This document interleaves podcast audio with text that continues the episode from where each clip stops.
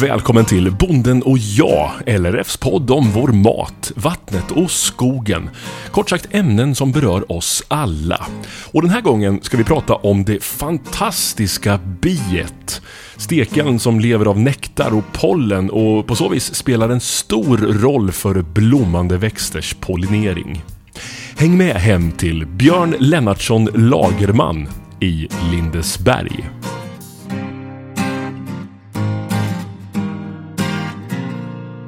Här har jag min hembigård och jag har ungefär 20 bigårdar och den här bigården är speciellt ägnad för drottningodling.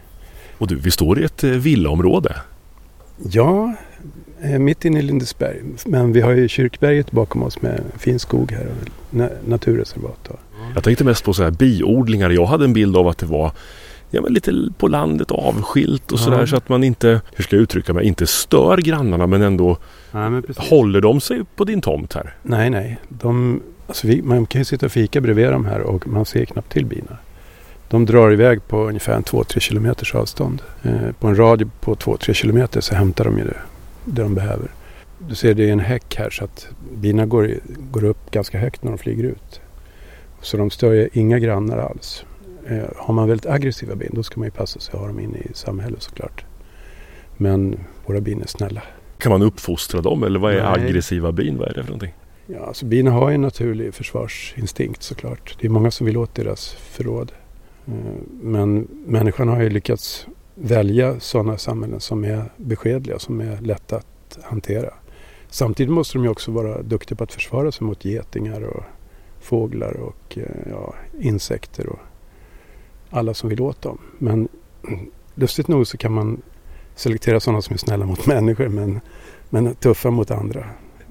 Ja, det är lite lustigt faktiskt. Vi står här nu i din trädgård, en otroligt vacker trädgård. Mm. Det måste min fru få all cred för. Alltså, Ja, prunkande är bara förnamnet. Stenpartier, växtlighet. här är viktigt för bina att kunna, häm- kunna hämta vatten i dammen här. Ja, här har vi en damm mitt i trädgården. Är det vattentillhållet Ja. för bina? Ja, du kom för att se, så var de, de har ju väldigt beroende av att ha tillgång till vatten. Här ser du, ser du att det är lite bin här nere som hämtar vatten. Ja, tittar du? Ja, fast de är dåliga på att simma så de, du ser de där som snurrar runt. Du måste hjälpa upp dem. Ja, de håller på att- att drunkna eller? Ja, där måste vi hjälpa lite. Du ser vad mycket bin det är som, häm, som hämtar vatten. Sitter här och... Ja, titta det är i kanten där nere.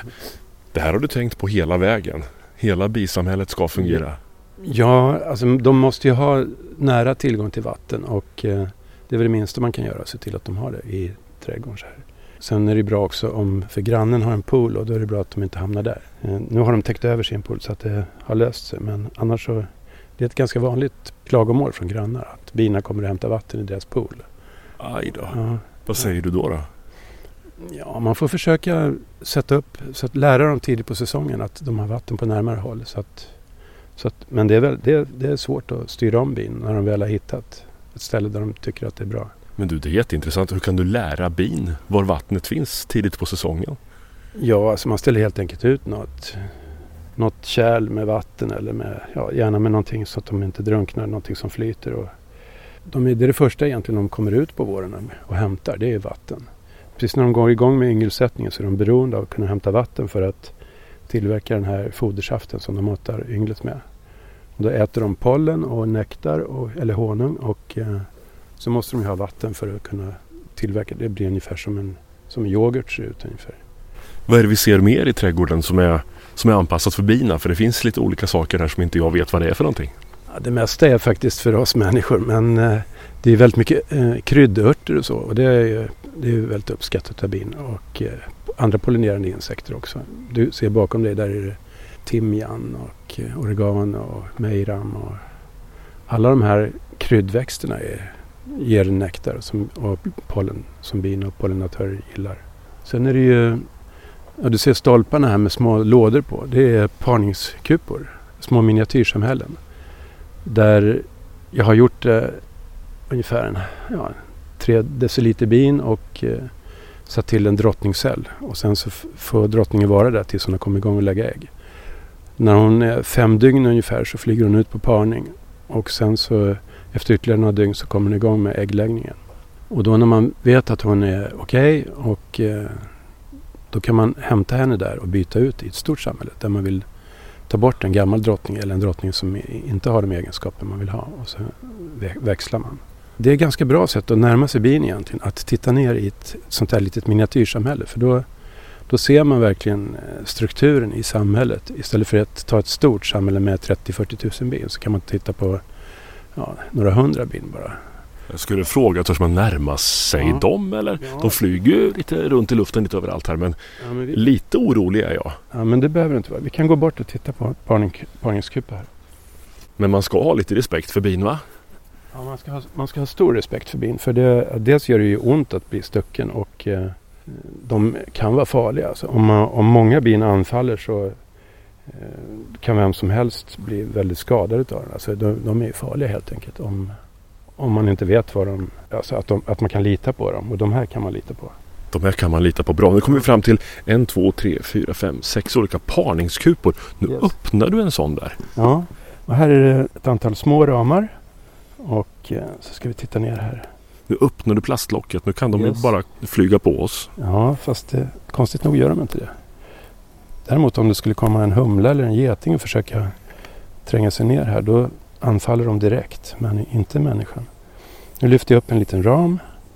Den är ungefär en decimeter gånger en decimeter och 2,5 centimeter tjock. Bina bygger alltid sina kakor 25 millimeter tjocka. Och här kan man se ja, det är ungefär 100 bin som går på en vaxkaka och sen är det under de här locken så det, ska det födas ett nytt bi. Och tittar man in i den där cellen så ser du larver. Ja, titta i de små mm. hålen där. Ja. Och där nere ser du ser det där lilla vita stiftet där i cellbotten. Just det. det. Det är ett ägg, ett nylagt ägg. Och det betyder att det finns en drottning som går här och lägger ägg. Det är det enklaste sättet att, att veta det. Och det är, det är så man gör. Var kan du se vilken är drottningen av allihopa där? Ja, vi ska se om, om hon, är, hon är inte på den här ramen. Nu börjar de flyga runt våra huvuden du. Ja, det är att vi står i, väg, vi står i vägen för deras inflygning här. Aha, så det är inte att du håller på och petar på dem? Nej, du ser, det är sådana som är på väg in som blev hindrade att flyga in. Nu, nu blev det lugnare. Du vet precis vad de vill.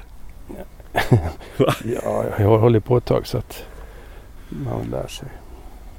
Du tar upp den här ram till. ramen där ja. Och sen sätter vi ner den. Ja.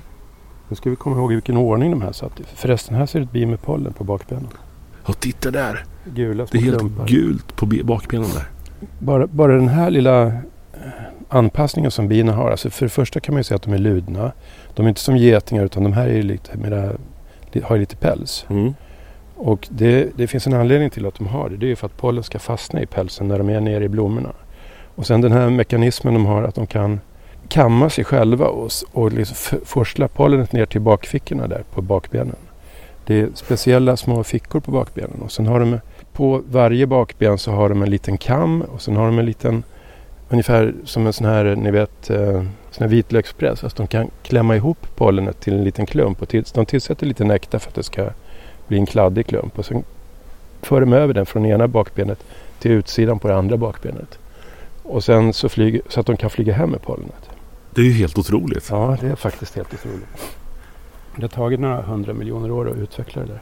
Ser du vad städat och fint det är nere på botten? Det är helt rent. Bina är väldigt noggranna med sin hygien. Där går drottningen.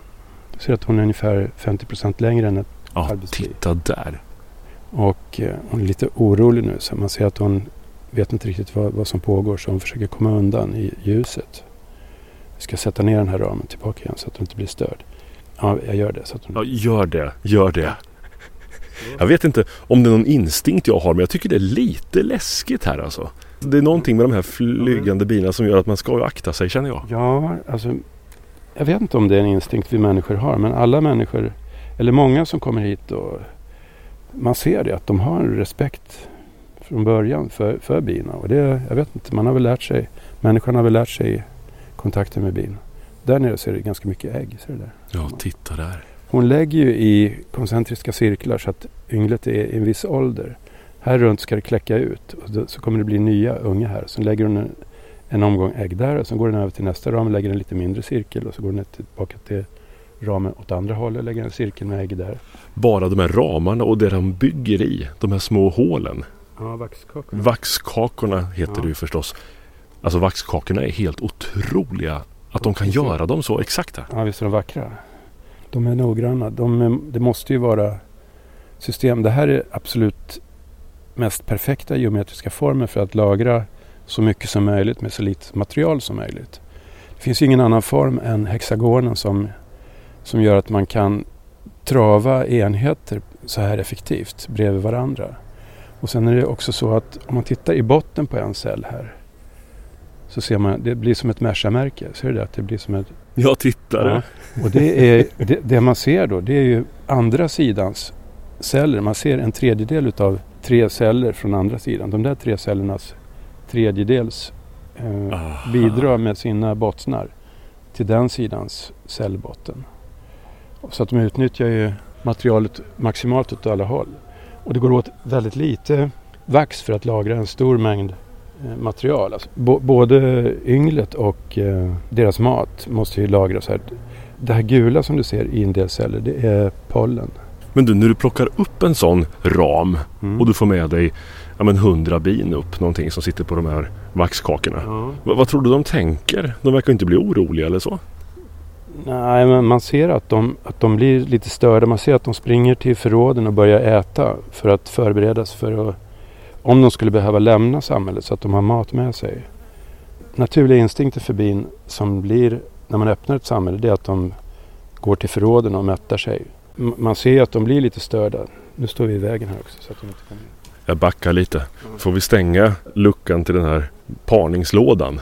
Vi måste prata mycket mer om bin med dig, lite hur de lever, samhället och alltså vad de gör för nytta så vi lär oss lite om bit idag. Men ska vi dra oss tillbaka till en plats där det inte surrar så mycket? Det skulle kännas bra för mig. Mm, vi går bort till honungshuset. Bin har en lång tunga som gör att de kan suga nektar från blommor. De flesta bin använder sig av en gadd för att försvara sig. Men det finns även bin med tillbakabildad gadd. Det är egentligen en omvandlad äggledare som förlorat sin ursprungliga användning. Men du har ingen sån stor dress på dig? Nät och grejer? Ja, jag brukar ha det när jag, när jag är i, i, en stor bigård där man ska jobba effektivt. Då har jag skydd på mig. Det underlättar om man, så att man inte klämmer bin och att de inte fastnar i håret och sådär. Hur ofta blir du stucken? Ja, en gång i veckan kanske. Mest utav misstag att, att man råkar klämma ett bi när, precis när man ska lyfta upp en ram. Eh, nu kommer du nog få en chock när vi kommer in i honungshuset för här håller jag på och samlar in bin som följde med honungslådorna, några honungslådor in. Och en del av de bina är ungbin så att de vet egentligen inte var de bor. Och då, därför hittar inte de hem. Och då har jag tagit en sån här liten parningskupa med en liten ram i som de har någonting att hålla sig till så att de känner sig att de har en framtid. Alltså att det finns mm. material där så att de skulle kunna skaffa sig en ny drottning om det i värsta fall.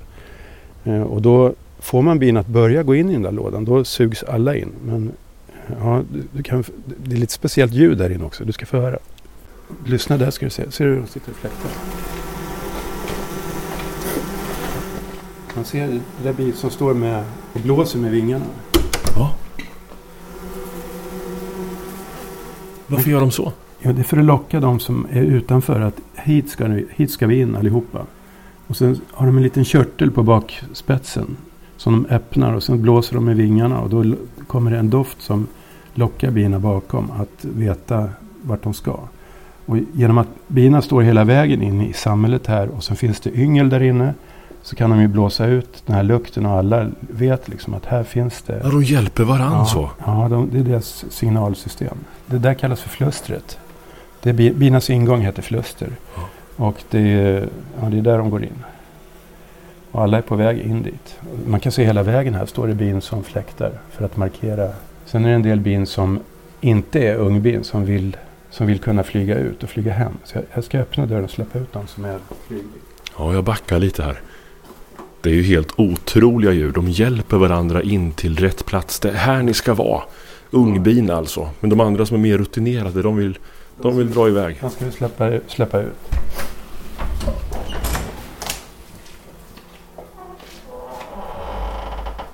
Och du petar på dem så på fönstret med handen och bara tar bort dem.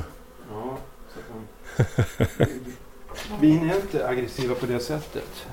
Om de är aggressiva då, då anfaller de. Men här är de ju bara intresserade av att komma ut. Så om man vet vad, vad bina håller på med så kan man ju bedöma om de är farliga eller inte. Om, eller om de är hanterbara eller inte. Här ser man också hur de står och... Ska du hör, lyssna här inne? Det är deras fläktande man hör där. Och det betyder att det är rätt plats. De vill locka till sig Ja, kompisarna. Ja, precis. Den där stackaren som går där uppe, det är en drönare. De har inte ens någon gadd så att de är, de är lika ofarliga som fly, flugor. Den här, den här är lite större än ett arbetsbil, ser du där? Mm, mm. Var ska den nu då? Den ska inte in i, i lådan där? eller? Mm. Jo, men den är, den är, det här är en ung drönare som är helt vilsen. Jag vet inte, jag ska hjälpa in den här. Där, nu får du gå in där. Jag vill gärna vara snäll mot bina. Även om jag har väldigt mycket bin. Jag har ju hundra samhällen ungefär. Så försöker jag sköta bina utifrån ja, som om jag bara hade ett samhälle. Alltså jag vill vara... Jag undviker så långt jag kan att krossa bin när man sätter tillbaka lådor. Jag vill inte klämma bin. Jag vill inte... Jag hjälper varje bil. Om det bil som jag ser eh, att jag kan hjälpa lyfta upp till exempel till kupan så gör jag det. Eller ja, om de... Bin är ju fascinerande för man följer ju verkligen årets, säsongens alla skiftningar från det att de har övervintrat och när säsongen börjar och genom sommaren och sen nu som det nu är börjar förbereda för hösten och vintern. Och, ja, det är en väldigt fint sätt att leva med naturens puls. Det, sen är det också en av de få näringar som man kan bedriva på utan att vara landägare egentligen. Det, det är lite lustigt med bin. Bin är ju, flyger dit, dit de vill så att säga, oberoende av gränser och så. Och har man varit någonstans och ställa ett bisamhälle så kan man ju få någonting från marken och landet som, som, ja, som man annars... Alltså det finns ju ingenting annat där man kan utnyttja naturens resurser utan att äga det. Och det är lite fascinerande också tycker jag med, med bin. Att, Det är ju en jättestor och fin tanke. Ja, och, eh, och dessutom är det faktiskt så att bin är ju... Det som bina samlar, det är ju någonting som annars skulle gå förlorat. Alltså det, om man ställer upp en bigård, jag har ungefär 20 bigårdar som jag nämnde kanske. Och eh, ställer man en bigård så på den platsen, så ett normalår, så kan de samla in någonstans mellan 300 och 500 kilo honung. Och det kan man ha sådana bigårdar med några kilometers mellanrum, i alla fall i ett sånt här landskap. Alltså ett sådant här blandat jord, jordbruks och skogslandskap. Och det, den nektarn som bina har samlat in där, om inte människan hade tagit hand om den, då hade ju den bara regnat bort. Alltså i, eller med, fallit ner med blommorna. Så att det, det, är en, det är en resurs som man kan eh, samla in som, som egentligen inte skapar några som helst problem utan bara är till nytta för alla ekosystem som är beroende av att bina kommer dit och pollinerar. Så alltså för att det ska bli frö eller frukt så måste det ju ha varit en blomma. Och för att det ska vara en blomma så måste det ha varit ett frö som i sin tur någon gång har börjat växa och har blivit pollinerat i en annan blomma såklart. Eh, och den tjänsten som bin och andra pollinatörer också gör, den är ju ja, den är ovärderlig och det är egentligen den stora nyttan med bina. Alltså den honung som, och vax och propolis som vi kan samla från bina, det är, det är bara en liten del av den nytta som, som bina egentligen producerar. Hur mår bina idag då? Och vilka förutsättningar har de i dagens samhälle? Man hör mycket om den biologiska mångfalden och att en del växter och blommor försvinner. Ja, ja tyvärr är det... Alltså det- sättet som vi använder landet, marken idag, det, jag tror inte det är hållbart på sikt att ha stora monokulturer. Om man kommer ner i slättbygden runt Örebro till exempel så är det ju mil efter mil med stråsäd. Och, alltså det är ju egentligen antingen är det en grön öken eller också är det, eller också är det en gul öken eller, eller också är det en svart öken. Och ingenting annat än den växten som man odlar eh, en kort period på sommaren kan leva där. Inga insekter kan leva där, inga fåglar, inga smådjur.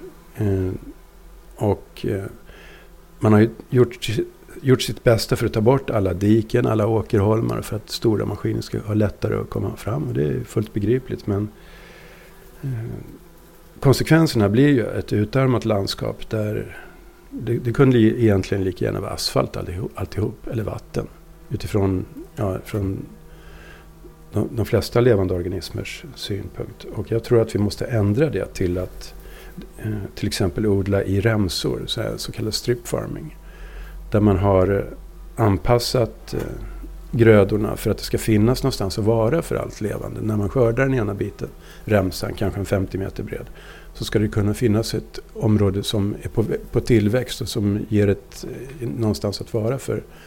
Som insekter och, och smådjur kan flytta över till att vara i. Det har väldigt stora positiva effekter på det viset också att nyttorovinsekter som eh, angriper till exempel skadeinsekter kan finnas i det landskapet och då minskar behovet av eh, pesticider och Eh, åtgärder i lantbruket. Så man, kan få, man forskar faktiskt väldigt mycket på att hitta sätt att odla landskapet som gör det bra för alla.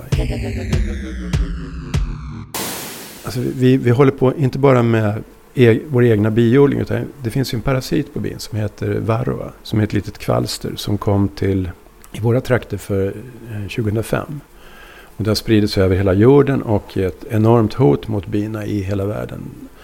Och gör att eh, bisamhällena dör. I USA så dör ungefär 40 procent av alla bisamhällen varje år. Och i Sverige så har vi vinterförluster, eller förluster, framförallt utav varroa, på mellan 15 och 20 procent. Och i Europa också mellan 20 och 25 procent. Och för att bekämpa det där kvalstret så finns det många olika vägar att gå. Och det första är att man kan diagnostisera samhället för att hitta parasiten i tid. För gör man inte det, då, alltså till exempel om man inte hittar parasiten förrän den här tiden på året när bina ska börja eh, förbereda sig för vintern. Då, är, då kan det vara för sent. För är det ett stort parasitangrepp så kommer det samhället inte kunna övervintra. Och då dör de någon gång i november.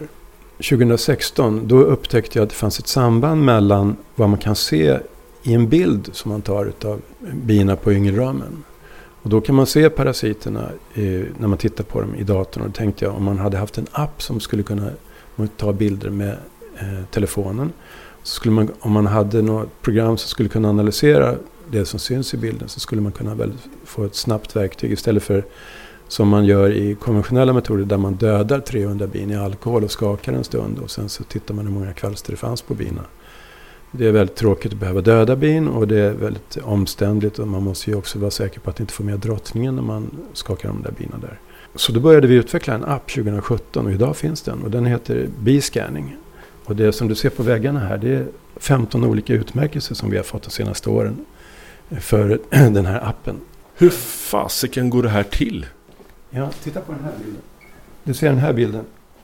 Här ser du parasiten sitter på, binas, på biets mellankropp. Där. Här sitter du på bakkroppen under vingen där. Det är som en röd, rödbrun liten krabba. En och en halv millimeter stor. Och biet är 15 millimeter långt. Så det är 10 procent av biets storlek. Det är ungefär som att vi hade en stor sån här devonkrabba på oss. Och man ser tydligt att bina blir väldigt störda.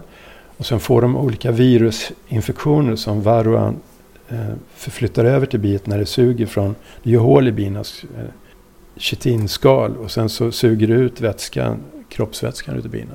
Så bina blir försvagade av parasiten och de blir väldigt störda och oroliga av att ha de här på sig. Och då störs hela harmonin i samhället också. Så att det är inte bara ett problem för det biet som har parasiten på sig utan det blir ett problem för hela bisamhället som organism kan man säga. Så man tar ett foto på sina bin ja. helt enkelt och yes. sen händer vad då? Man tar foto på bina på ramarna och sen så trycker man på analysera. Och då går bilderna upp till våran server och så analyseras det och så ungefär 20 sekunder senare så kommer ett resultat tillbaka. Och då står det hur många procents infestation det är i, det där var det noll i den där, i bisamhället. Och så kan man gå in och titta för att validera om, om det är korrekt, det den har hittat. Men får du in bilder från olika ja, biodlare i Sverige? Ja, exakt. Här till exempel ser man att i den här bilden så är det 3 infestation. Och man ser att det där biet har, ser du där? Att det där biet har en parasit på sig där. Så kan man zooma i bilden i appen och så kan man validera om det är korrekt hittat. Och det är artificiell intelligens som hittar parasiterna. Och vi har tränat vår app med ja, vi har över 7000 små regioner där vi har annoterat manuellt. Och, och lärt AI att hitta de här små objekten. Så att vi, vi är väldigt duktiga på att hitta objekten nu.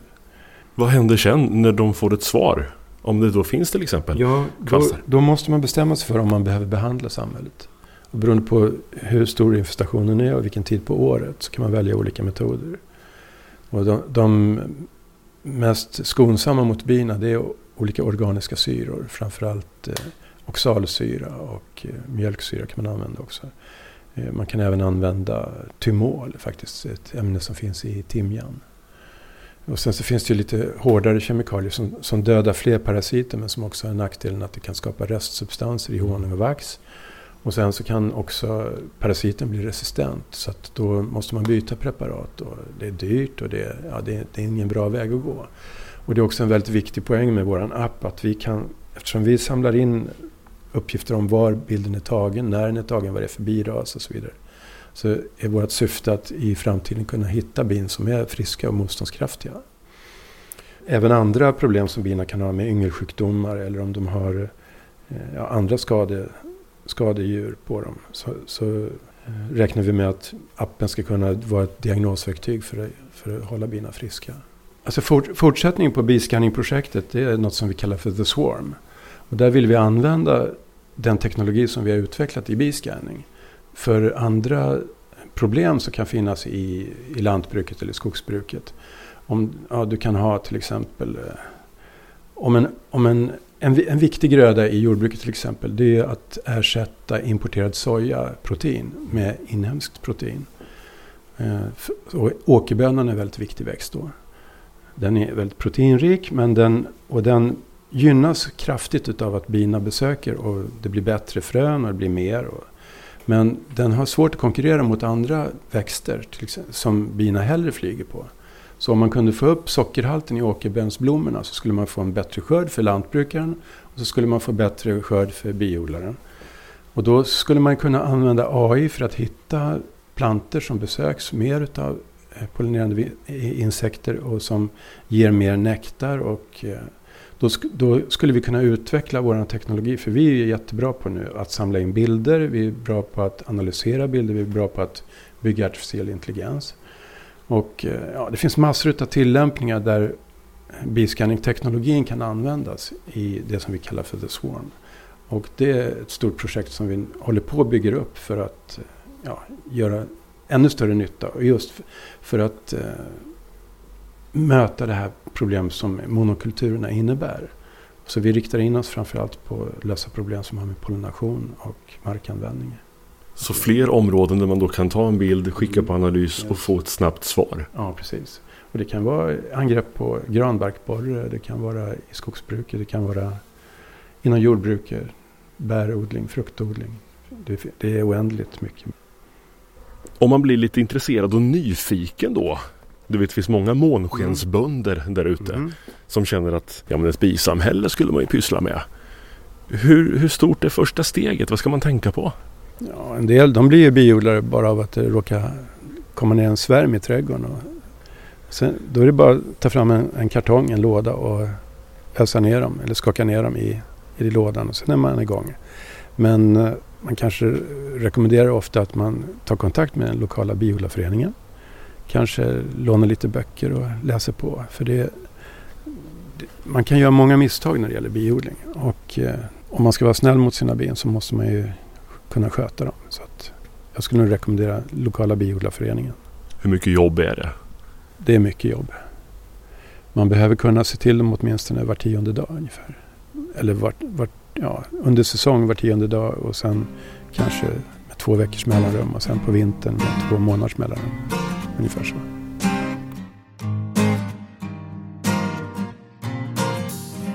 Du har lyssnat till Bonden och jag, en poddradioserie från LRF. För fler avsnitt och intressanta ämnen, klicka dig bara vidare. Jag heter Mattias Lindholm och är programledare och producent för den här serien. Hoppas att vi hörs snart igen.